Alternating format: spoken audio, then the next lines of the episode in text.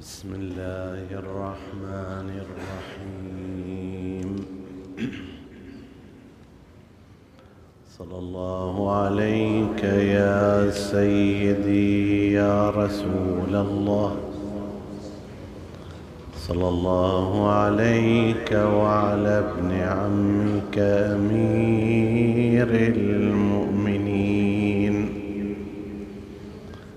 وعلى أهل بيتك الطاهرين.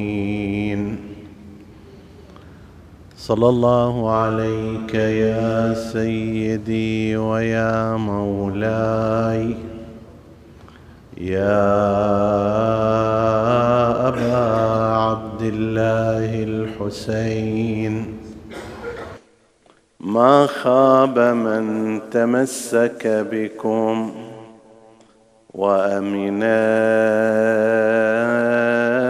من لجأ إليكم. يا ليتنا كنا معكم فنفوز فوزا عظيما. لم أنس زينب بعد الخدر حاسرة. تبدي النياحة ألحانا فألحانا. مسجورة القلب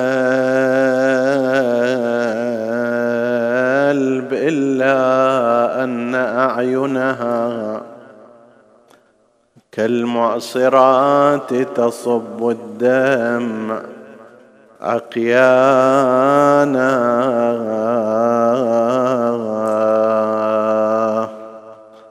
تدعو أباها أمير المؤمنين ألا يا والدي؟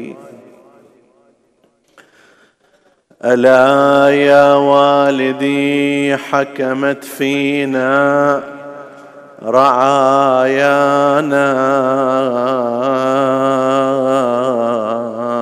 وغاب عنا المحامي.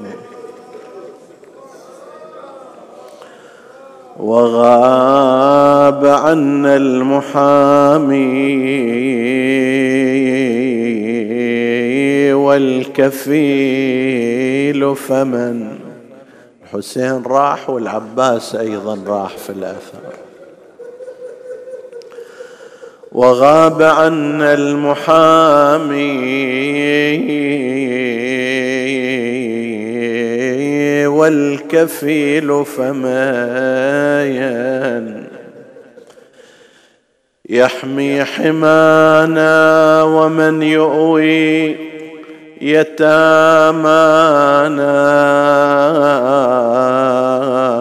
يتامانا إن عسعس الليل وارى بذل أوجه وإن تنفس وجه الصبح أبدانا يا يا قم يا علي يا قم يا علي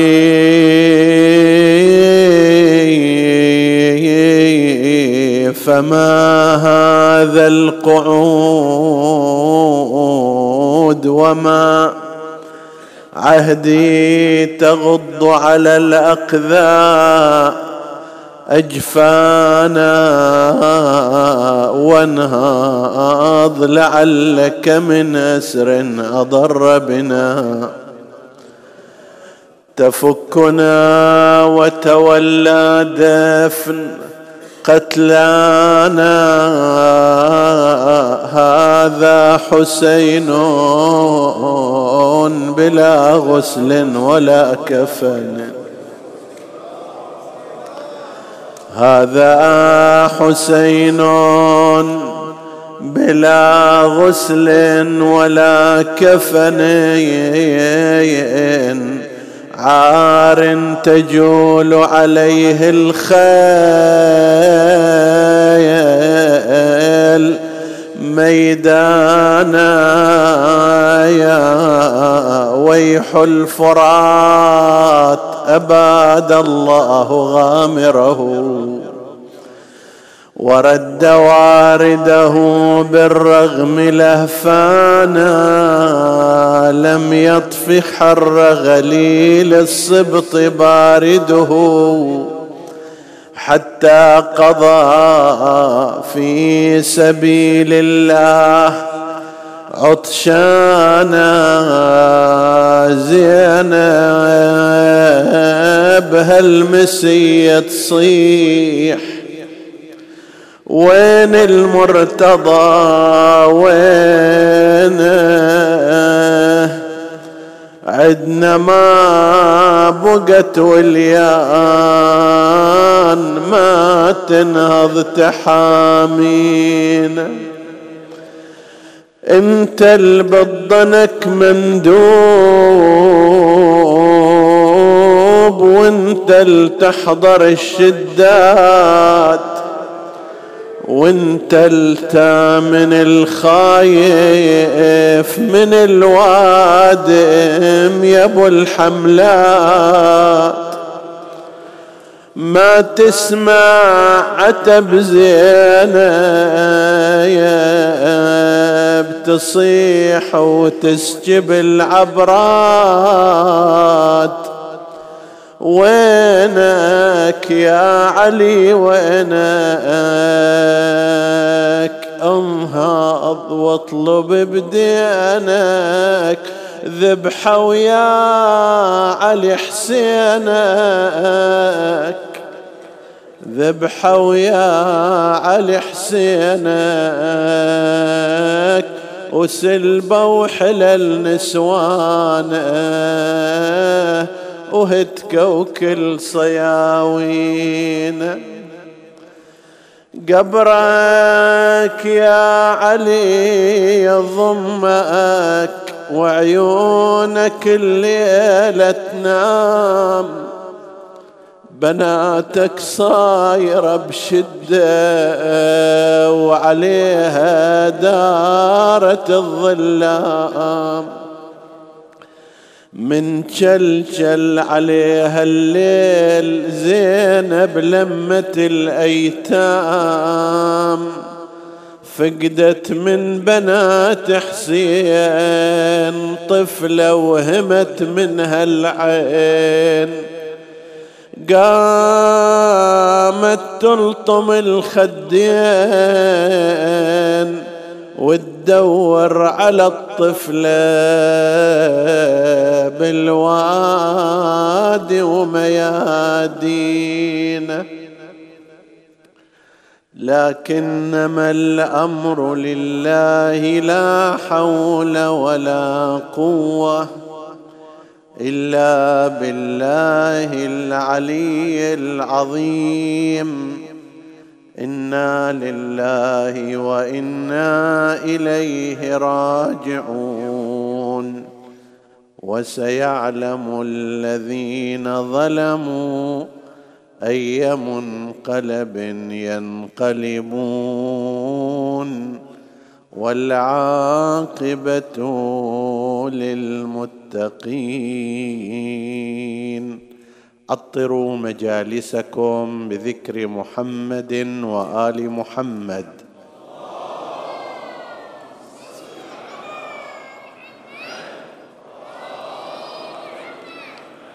اللهم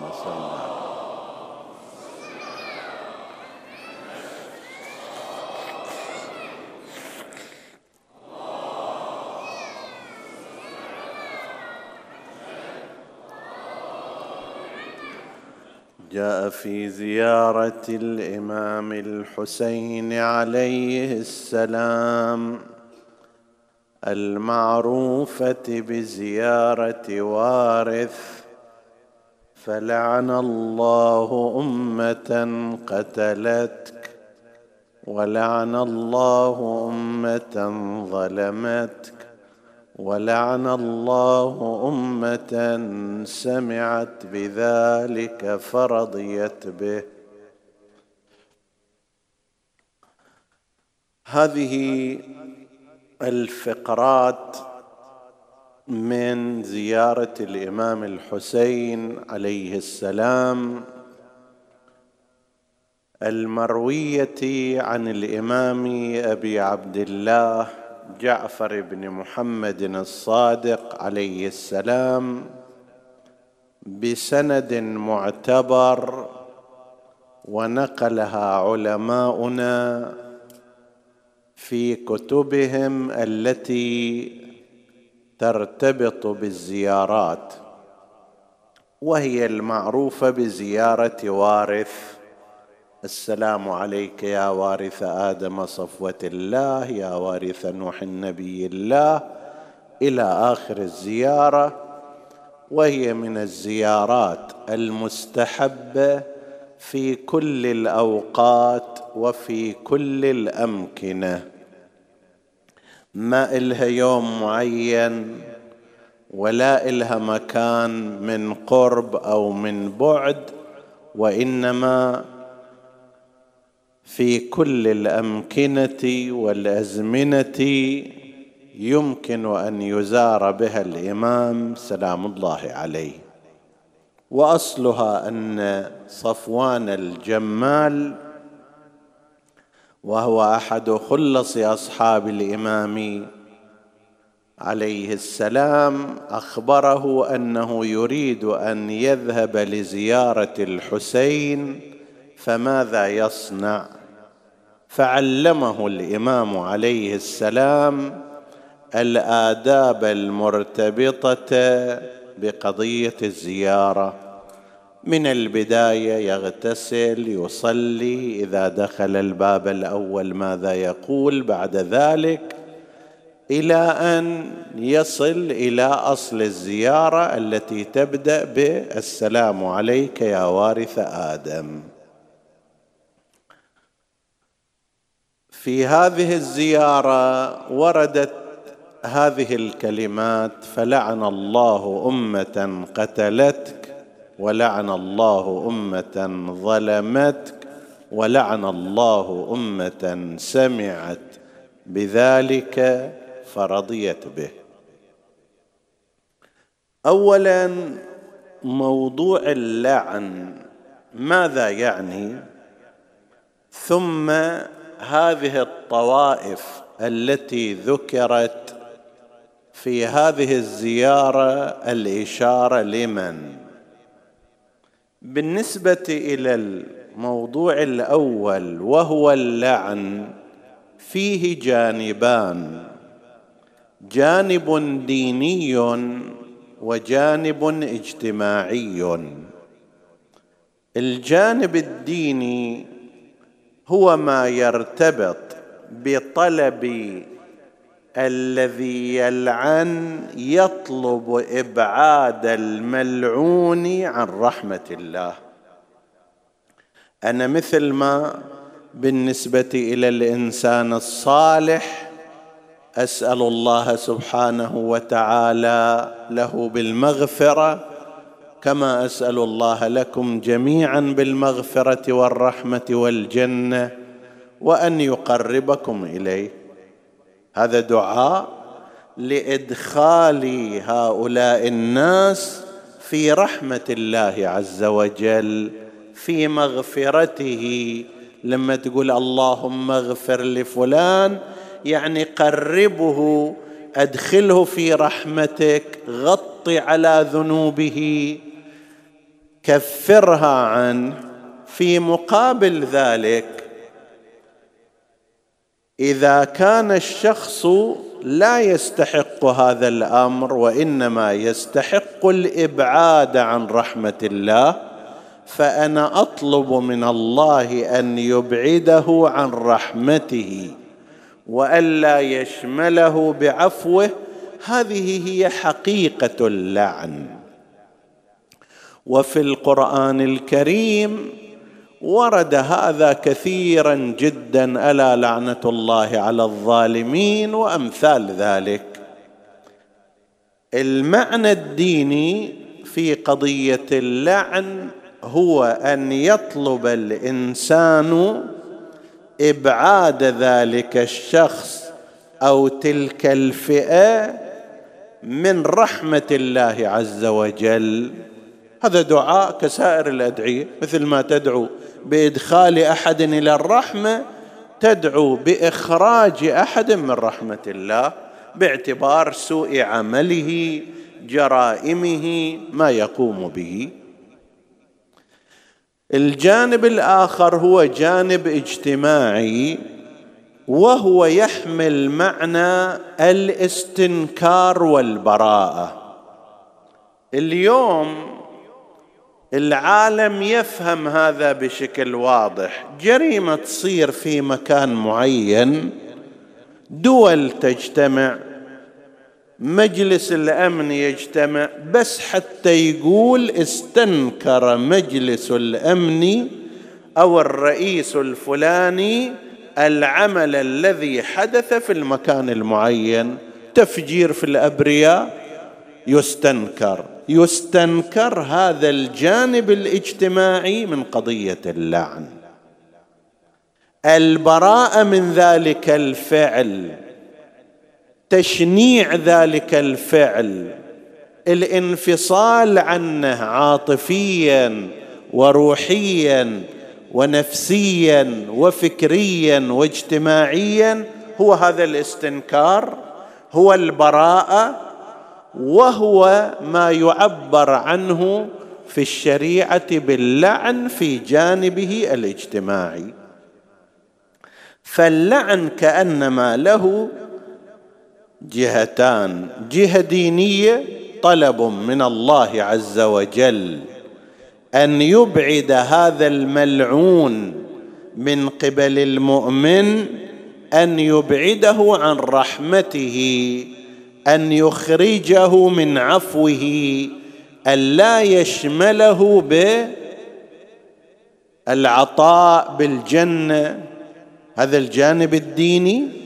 الجانب الاجتماعي يمكن أن يطلق عليه كذلك. هو نوع من إظهار النفرة نوع من الاستنكار نوع من البراءة. نوع من التهجين لهذا العمل والتبشيع. هذا عمل بشع هذا عمل سيء. أنا أستنكره أنا أدينه أنا أذمه ولا أحبه. وهذا اليوم كما ذكرنا أحيانا اجتماعات كبيرة جدا تصير من أجل إصدار قرار بالاستنكار اللي هو الوجه الاجتماعي لموضوع اللعن.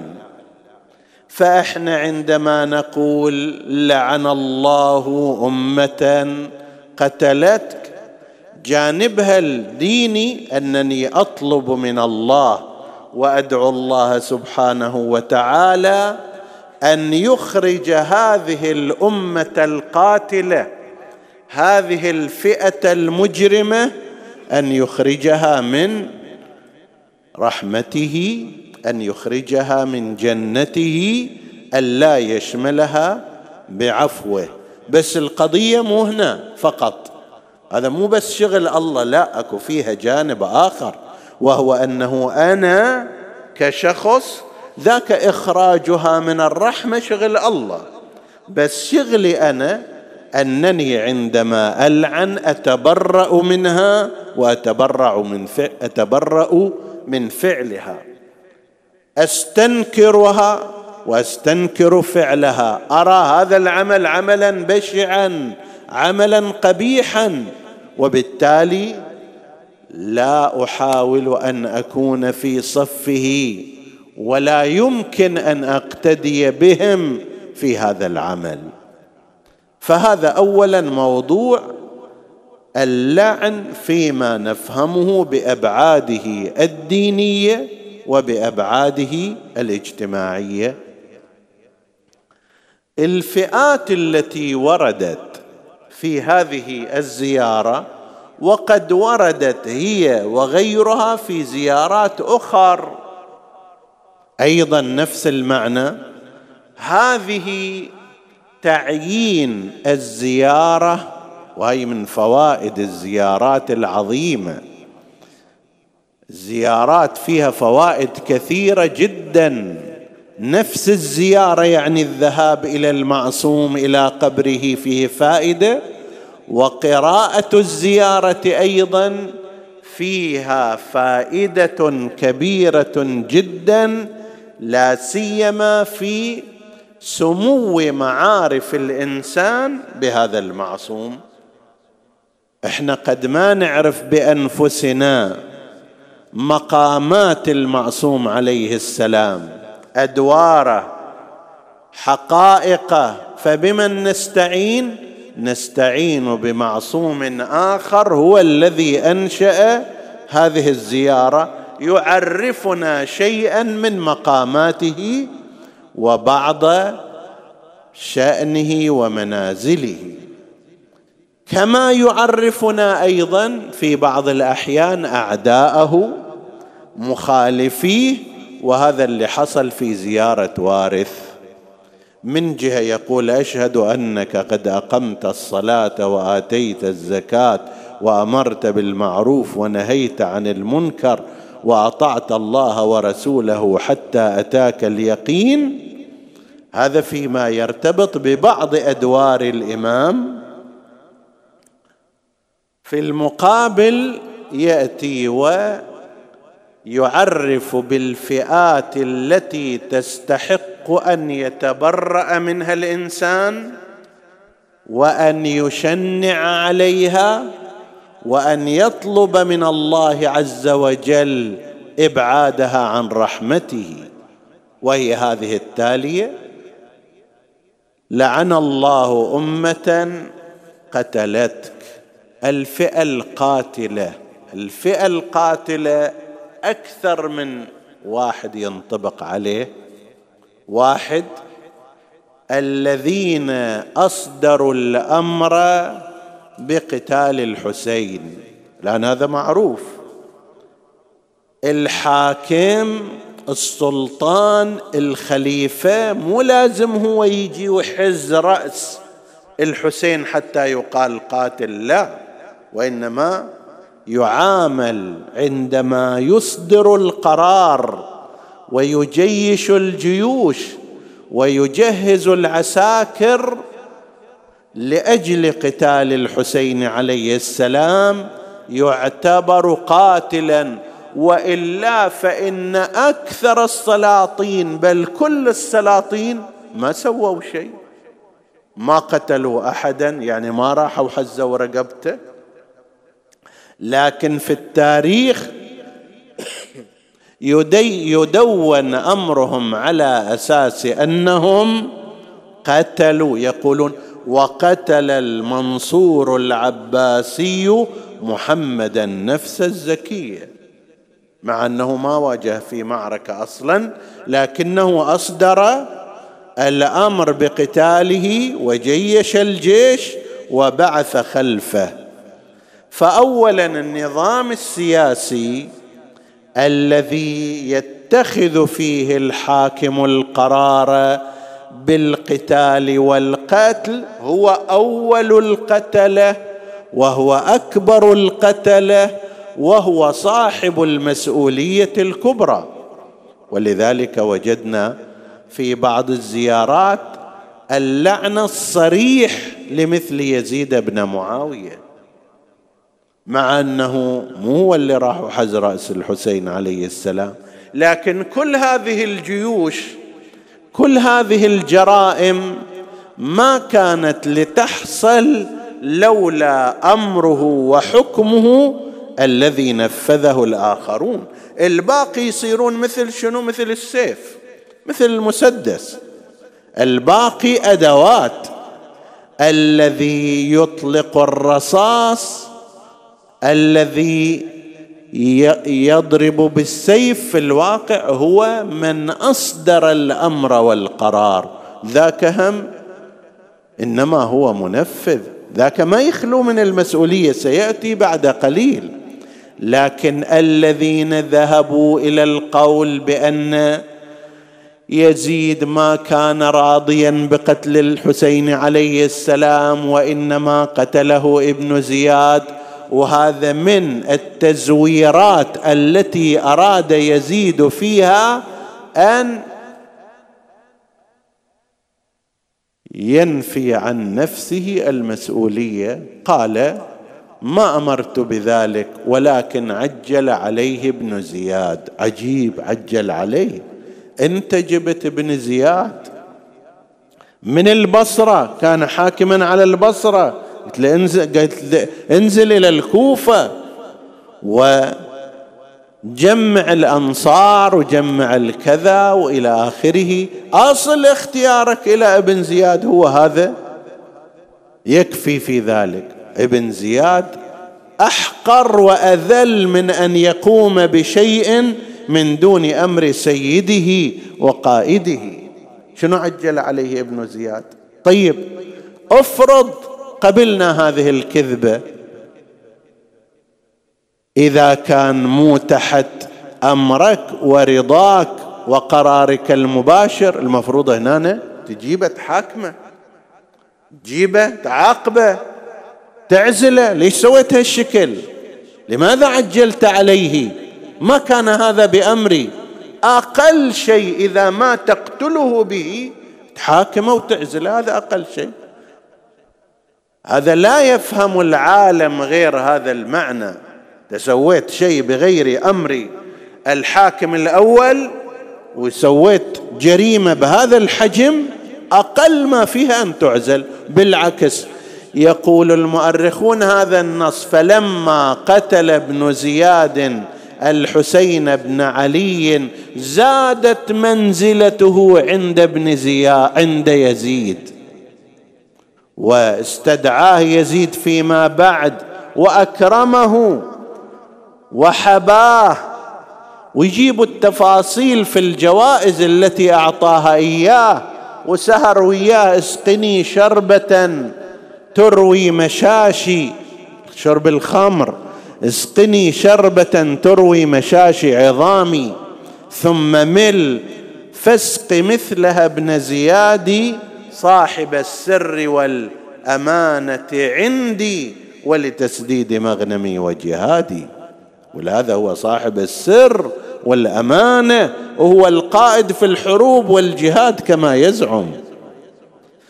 فأول فئة قاتلة النظام السياسي الحاكم رأس النظام الخليفة هو الذي يتحمل مسؤولية قتل الحسين عليه السلام اولا وبالذات. لذلك ماكو غرابة عندما نسمع ونقرأ في التاريخ أن نبينا المصطفى محمد.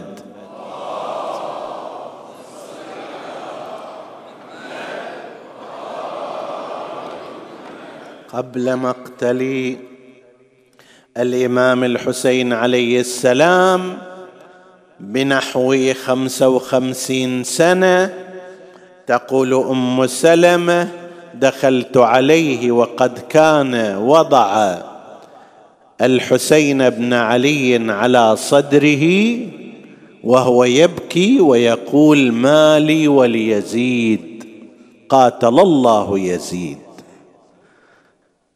محملا إياه هذه المسؤولية هذا واحد.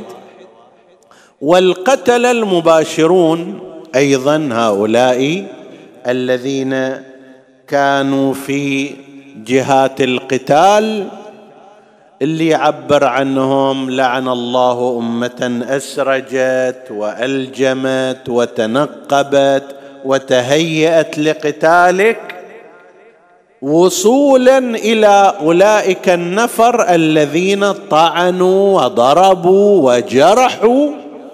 هذول كلهم قتل أيضا يعتبرون. ولهذا ولهذا كما أن شمر بن ذي الجوشن لعن نصا واسما لعن قائد الجيش عمر بن سعد ابن أبي وقاص الزهري ولعن عبيد الله بن زياد.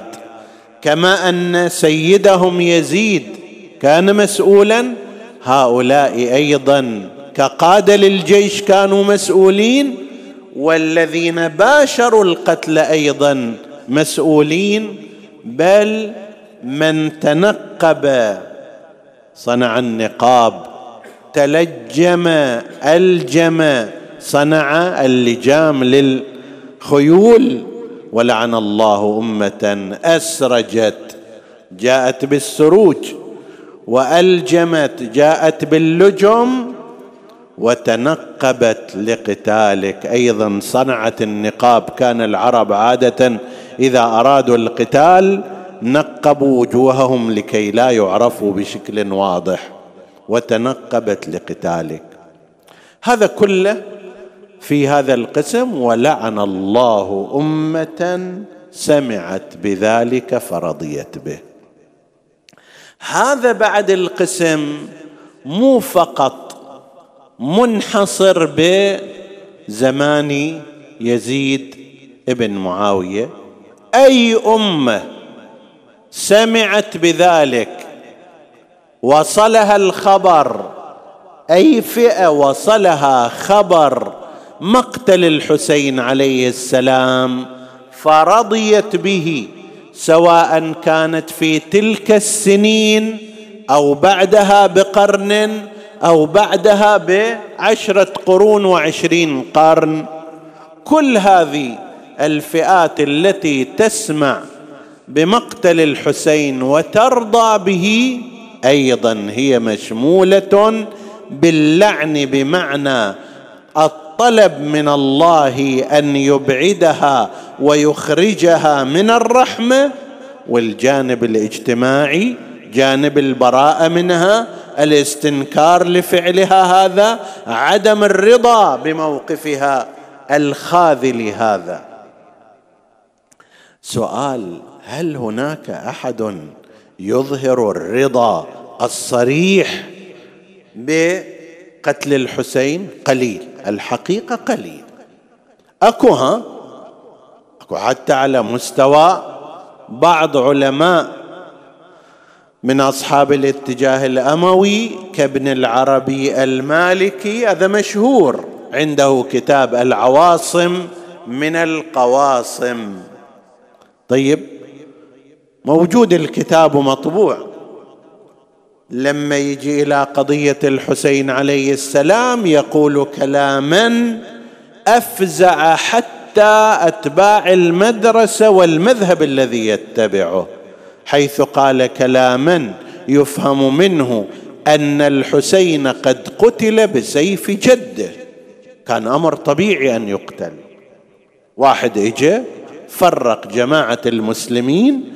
النبي قال من فرق جماعة المسلمين فاقتلوه بالسيف كائنا من كان. فالنبي حكم عليه خلاص بعد. هذه بعد وقاحة ما بعدها وقاحة. وشناعة ليس كمثلها شناعة ولذلك حتى شركاءه في مذهبه الخاص شنوا عليه حملة شديدة شنعاء قوية.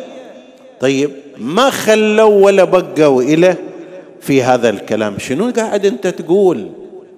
ماذا تقول؟ الحسين سيد شباب أهل الجنة بشهادة رسول الله. يقتل بسيف جده. هل كان الله سبحانه وتعالى يعلم أن الحسين ينهض هذه النهضة ويقوم في وجه يزيد؟ لو ما يعلم. إذا ما يعلم هذا شنو الله اللي ما يدري؟ إذا يدري ومع ذلك جعل سيد شباب أهل الجنة كيف ينسجم هذا؟ شخص يريد كما تقول تفرقة الأمة وكان ينبغي أن يقتل بسيف جده وهو في نفس الوقت أيضا شنو؟ في نفس الوقت سيد شباب أهل الجنة. شلون تقدر تنسجم هالمعلومات مع بعضها؟ فالرضا الصريح والمباشر جدا قليل لكن الرضا الموارب الرضا المغطى الرضا المخفي كثير جدا في هذا الاتجاه الأموي. أكثر المسلمين نعتقد هم لا يرضون إذا توجهوا إلى إذا عرفوا ما جرى على الحسين وأهل بيته لا شك يستنكرون. وهذا بعد دور شيعة أهل البيت عليهم السلام في أن يوصلوا قضية كربلاء وعاشوراء وتضحيات الحسين وجرائم الطرف الآخر يوصلوها إلى الناس. هذا دوركم. أكثر المسلمين أكثر أصحاب الفطرة النقية والسليمة لا يمكن أن يرضى بأن طفلا صغيرا قد بلغ منه الظمأ والعطش مبلغه يذبح بسهم حرملة بن كاهل. هذا ما يقدر يتقبل إنسان صاحب فطرة نقية ابدا. لكن أنا وأمثالي ما وصلنا هذا الخبر إلى الناس. ما وصلنا لهم هذه السيرة وهذا التاريخ. قصرنا في ذلك. فقسم من هؤلاء يجهلون. أكو أتباع الخط الأموي هذول راضون بما حصل للحسين راضون بما فعل يزيد بن معاوية ولكنهم لا يظهرون ذلك وإنما بالمواربة بشيء غير صريح. يجي يقول لك على سبيل المثال هاي شعائر الحسين كما كتب أحدهم الشعائر الحسينية صارت مثار للأحقاد الطائفية في الأمة. ليش ما تمنع هذه؟ لأنها تثير الحقد الطائفي وتثير الإحن والنعرات وما شابه ذلك. تجي تقول له طيب ما يخالف خلينا نلحق الكاذب إلى باب بيته. اكو هناك شعائر ما تثير النعرات الطائفية؟ تفضل سويها. تقول مثلا إذا بعض ردات المواكب تثير الشعار الطائفي إذا هل مظاهر المعينة تثير الشعار الطائفي؟ طيب هي مو كلها. تعال شجع التي لا تثير كما تقول الأشياء الطائفية. أنت تعال سوي شيء في حق الحسين ليس فيه طائفية. اكتب بس الحسين عليه السلام. نتحداك أن تصنع ذلك. ما يقدر عليه لا يستطيع أن يقول إن يزيد قد أخطأ قد أجرم في حق الحسين. ما يقدر. لأن هذا يخالف معتقداته الداخلية. لا يستطيع أن يقول إن الحسين عليه السلام نهض نهضته لإنقاذ الإسلام. زين. ماذا يصنع؟ يجي يقول ترى هذه الشعائر تسبب مشاكل فتن في الأمة غير ذلك ما ينبغي أن تصير. يكذب في ذلك. متى كانت شعائر الحسين تصنع ذلك؟ بكاء على الحسين. يصنع فتن في الأمة؟ أنا أبكي. في منزلي وأبكي في مسجدي وأبكي في مأتمي وأبكي ضمن جماعتي. ما الذي يصنع هذا من الأمور الطائفية؟ هل تستطيع أنت أن تقوم ولو بشعار واحد اللي ما في قل ما في طائفة؟ اكتب مقال. مقال من خمسة أسطر بس لا تستطيع لأنك في هذا تخالف أصل الحسين عليه السلام. تخالف نهضة الحسين ولكن لا يستطيع أمثال هؤلاء أن يقولوا نحن نخالف الحسين لأن موقع الحسين في الأمة فد موقع استثنائي. كون سيد شباب أهل الجنة وسبط الرسول و و وما ورد من الروايات في شأنه في الفريقين فما يقدر يقول أنا ضد الحسين. يروح على الشعائر يقول هذه شعارات طائفية وهذه تثير الأحقاد وهذه كذا وكذا. قل له ما يخالف؟ نقبل الكلام وإن كان كذبا. تعال سوي إلينا شيء واحد مو طائفي. مقال أبو خمسة أسطر ذكر الناس بس أن يوم عاشوراء هو يوم شهادة الحسين. هذا أيضا لا يستطيع أن يصنعه. ليش؟ لأنه يخالف توجهه. هو راض بما صنعه الأمويون. لا يقبل طريقة الحسين عليه السلام ولكن ما يقدر يصرح بهذا فيجيب أن المسألة مسألة شعائر طائفية وما شابه ذلك. يروح على الحواشي لكي يبدي عدم رضاه لا يأتي على الأصل.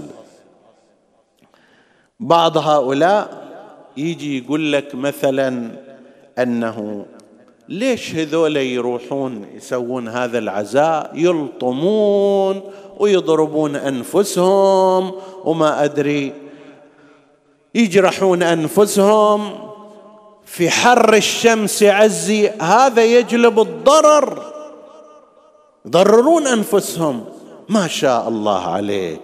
عفية عليك. أنت الحريص علينا الا نتضرر. أنت الحريص علينا أن نعيش في حياة ممتازة وجميلة ولا يصير عندنا أي ضرر ولا خطر. متى تنبهت إلى هذا؟ طول السنة إحنا ما عندنا لا خطر ولا ضرر ولا مشكلة. بس يوم عاشر لما أجي أضرب على صدري أنت خايف على قلبي لا؟ تصير في جلطة قلبية؟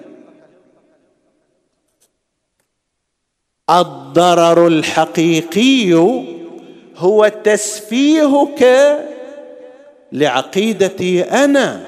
هذا هو الضرر الحقيقي.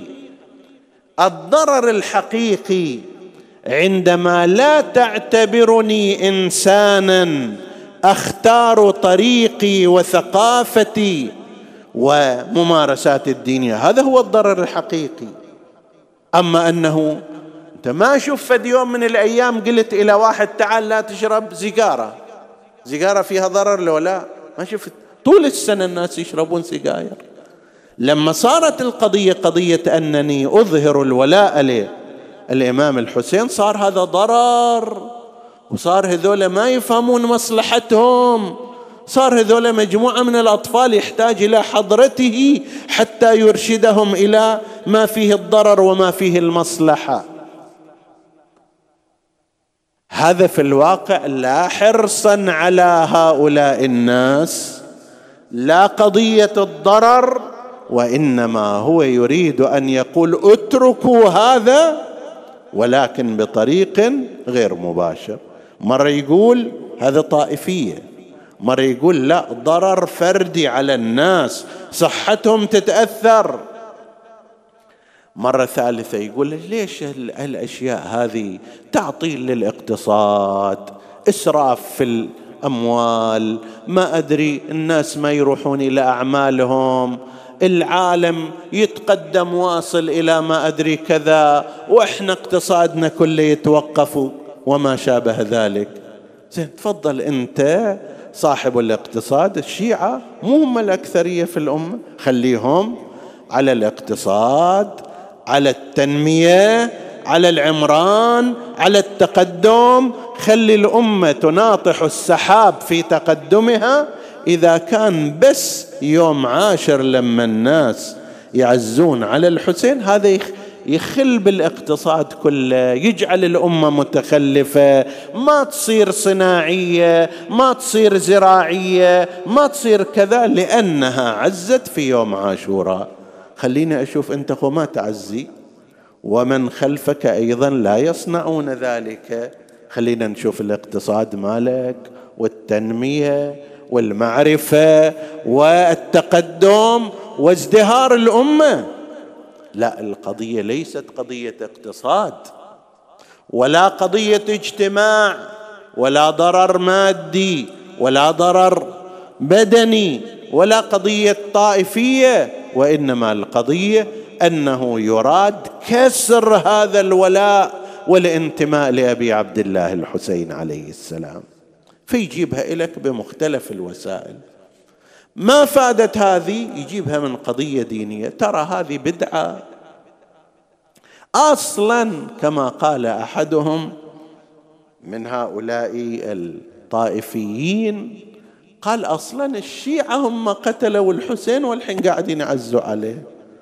إيش هالاكتشاف العظيم هذا عندك؟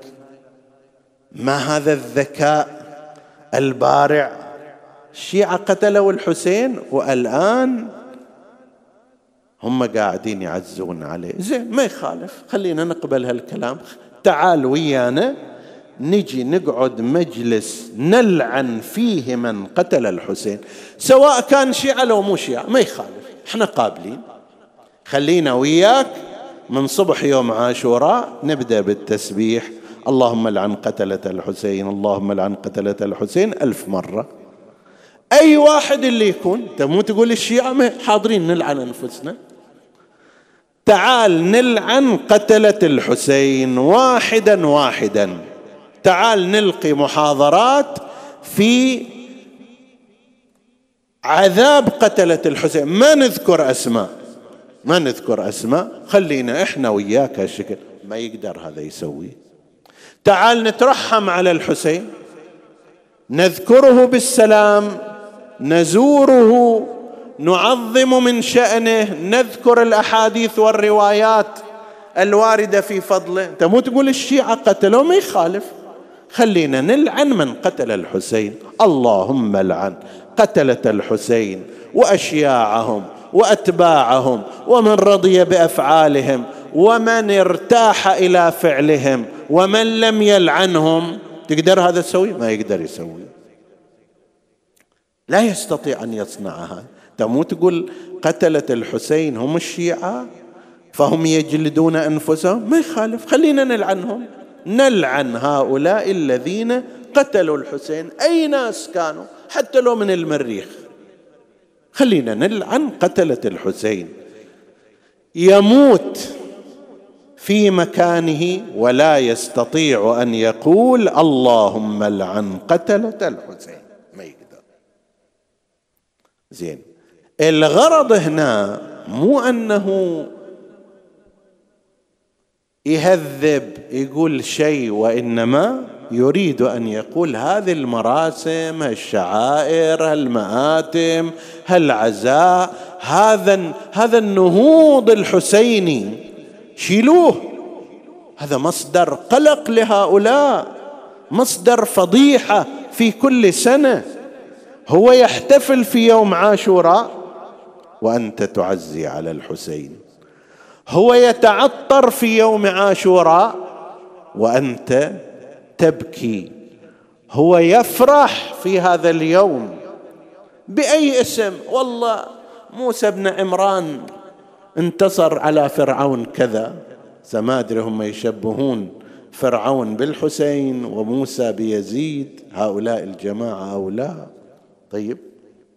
هؤلاء فئة قليلة أكثر المسلمين بحمد الله تعالى يعرفون حق الحسين عليه السلام ونسأل الله سبحانه وتعالى أن يوجههم إلى بركات الحسين صلوات الله عليه.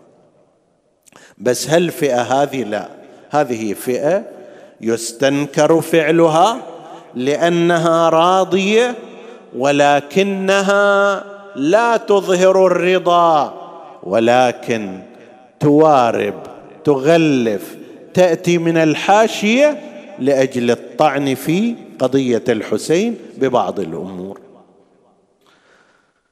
الزيارة تيجي تقول هذول كلهم اولا يدعى عليهم بأن يبعدوا من رحمة الله عز وجل واحد والثاني أن الإنسان في موقفه الاجتماعي موقف مخالف لهم. متبرئ منهم مستبشع لما يقوم لما يقومون به. نحن نحمد الله سبحانه وتعالى أنه وفقنا لكي نواسي رسول الله في هذا اليوم. وفي هذه الأيام ونواسي فاطمة الزهراء ونجلس كما جلسوا حزينين ونبكي كما بكوا ملتاعين. وهكذا الحال بالنسبة إلى أئمة الهدى صلوات الله وسلامه عليهم. نتأثر من كل قلوبنا نحزن من كل قلوبنا. نتعب في ذلك ونجد في ذلك التعب راحة أيما راحة. ونعتقد اعتقادا راسخا وجازما أن الله سبحانه وتعالى يثيبنا على ذلك وأن النبي وآله يرحبون بمثل هذه الأمور. نحزن لماذا لا نحزن؟ هذا اليوم يوم العاشر من المحرم. بعد الظهر قامت قيامة العقيلة زينب سلام الله عليها.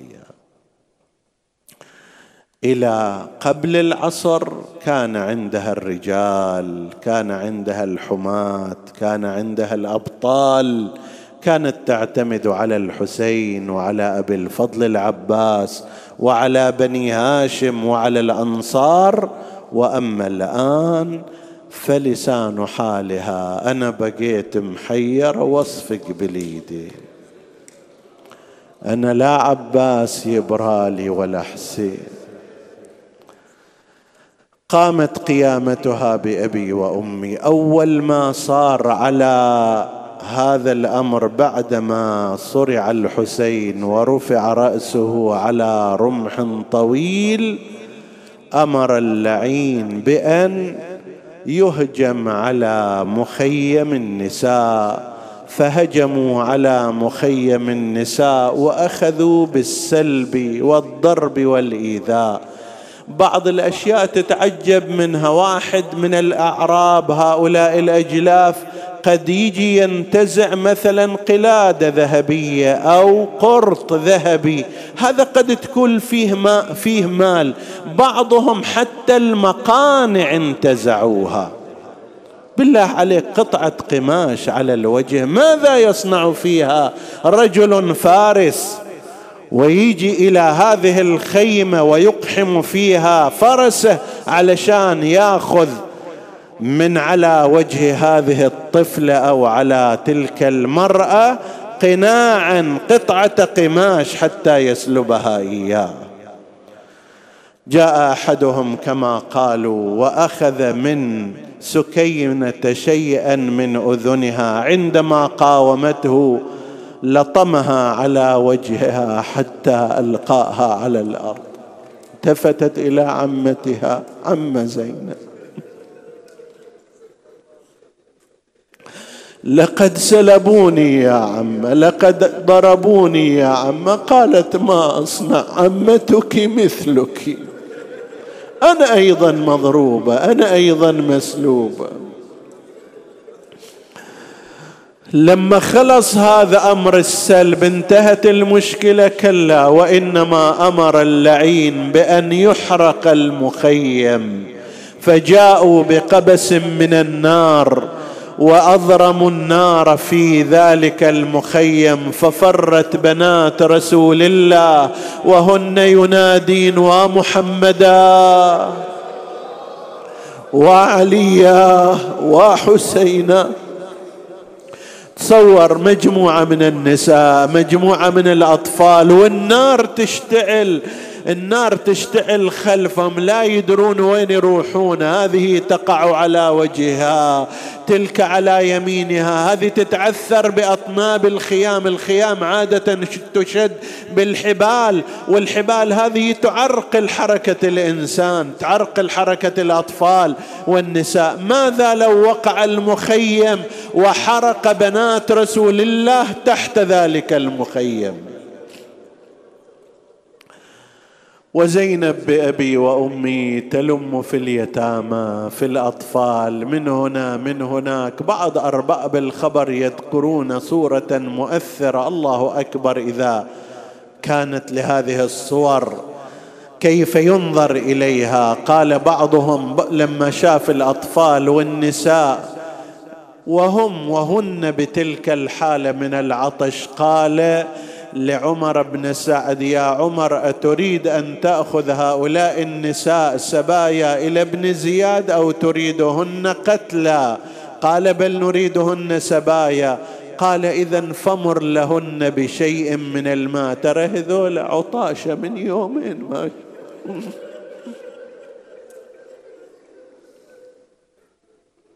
قال اصنع ما بدا لك ذهب إلى جهة الشريعة ملأ قربة أو قدحا من الماء وجاء به إلى النساء والأطفال. يعرض على هذه المرأة تشيح بوجهها عنه تشرب زينب يعني تشرب أم كلثوم.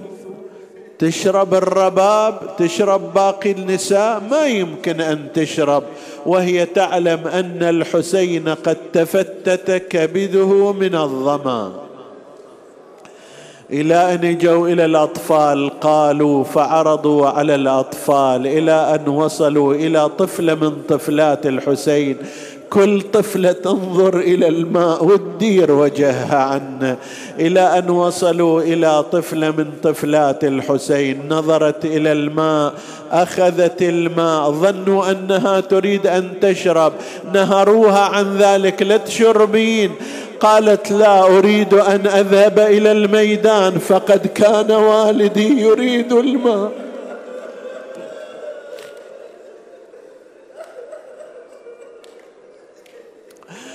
لما وصلت إلى الميدان وشافت ما شافت أنا اشرب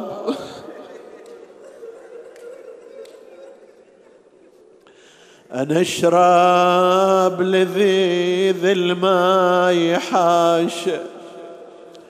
شافت الحسين صريع صبت الماء على التراب ولم تشرب قطرة منه. أنا أشرب لذيذ الماء حاش وأهلي قضوا كلهم عطاش حسين الرمول أمس فراش. سعد الله قلبك يا سيدتي يا زينب عندما جن الليل عندما جن الليل والخيم محروقه ولا يوجد لهن ملجأ يلجؤون إليه. الخيم يا حسين محروقه وأنا هواد علي الليل. راسك راح للكوفة. وجسمك ردضن الخيل نص الليل يا ابن أمي ولم طفله فقدناها أثاري فرت بدهشة تلوج وما حد وياه. وحدي طلعت ادورها وادور وين ملفاها؟ شفتها ممددة يمك على خدها دمعها يسيل جبتها وياي للخيمة ولن أختك تناديني. يا زينب بالله قومي وياي أدور وين طفليني. مو واحد ولا اثنين اللي ضاعوا في البيداء اللي بعضهم داستهم حوافر الخيل واللي ماتوا عطشا وهاي زينب قاعدة تلقط بيهم. جبتها وياي للخيمة. ولن أختك تناديني. يا زينب بالله قومي وياي أدور وين طفليني. طلعنا ندور الوادي ولا توجد درب عيني. ولن وجوههم لي تلوح تقول نجم السيل. شحكي لك يا عزيز الروح دهر الشوم وازاني وهضم الماجرة ولا صار بالمخلوق راواني. شفتهم يا الأخو ميتين. واحد حاضن الثاني. شفتهم يا الأخو ميتين. واحد حاضن الثاني. الكبير على الأخو حاني. يضم عن وحوش الليل. وتارة تنثني تدعو عشيرتها. من شيبة الحمد أشياخا وشبانا قوموا غضابا من الأجداث وانتدبوا. واستنقذوا من يد البلوى بقايانا.